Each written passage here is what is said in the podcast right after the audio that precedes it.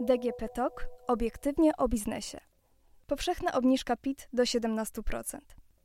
Całkowite zwolnienie młodych z podatku mogło wzbudzić w bardziej doświadczonych pracownikach zazdrość. Pocieszeniem niech będzie powszechna obniżka PIT z 18 do 17% dla wszystkich 25 milionów podatników. Przeanalizujmy, jak wiele zyskamy i co ta zmiana oznacza dla podatników i ich pracodawców. Obniżka podatku to podobnie jak zerowy PIT jeden z punktów nowej piątki Kaczyńskiego. O ile zwolnienie młodych z podatku nie wszystkim się spodobało, głównie ze względu na dyskryminacyjny charakter zmiany, o tyle powszechną obniżkę większość z nas ocenia pozytywnie. Dlaczego? Bo po prostu zarobimy więcej. W ustawie podkreślono, że z obniżki skorzysta 25 milionów podatników. Należy jednak uściślić, że nie chodzi o wszystkie osoby płacące podatki. Chodzi tylko o tych, którzy rozliczają się zgodnie ze skalą podatkową, czyli pracowników, zleceniobiorców, emerytów, rencistów, a także przedsiębiorców. Liniowcy czy ryczałtowcy siłą rzeczy nie skorzystają ze zwolnienia. Jest jeszcze jedno ograniczenie.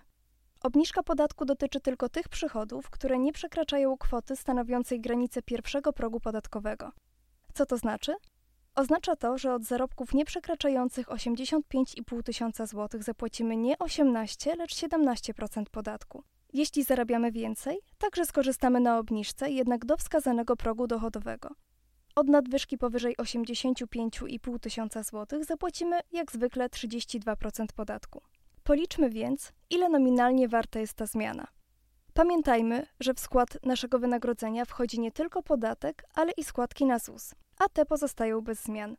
Zatem osoba, która zarabia najniższą krajową, czyli 2250 zł brutto, w skali roku zaoszczędzi 472 zł. Osoba o przeciętnym dochodzie równym 4765 zł brutto odłoży rocznie nieco więcej 732 zł.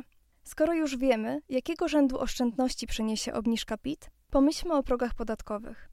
Mamy przecież kolejną stawkę podatku PIT.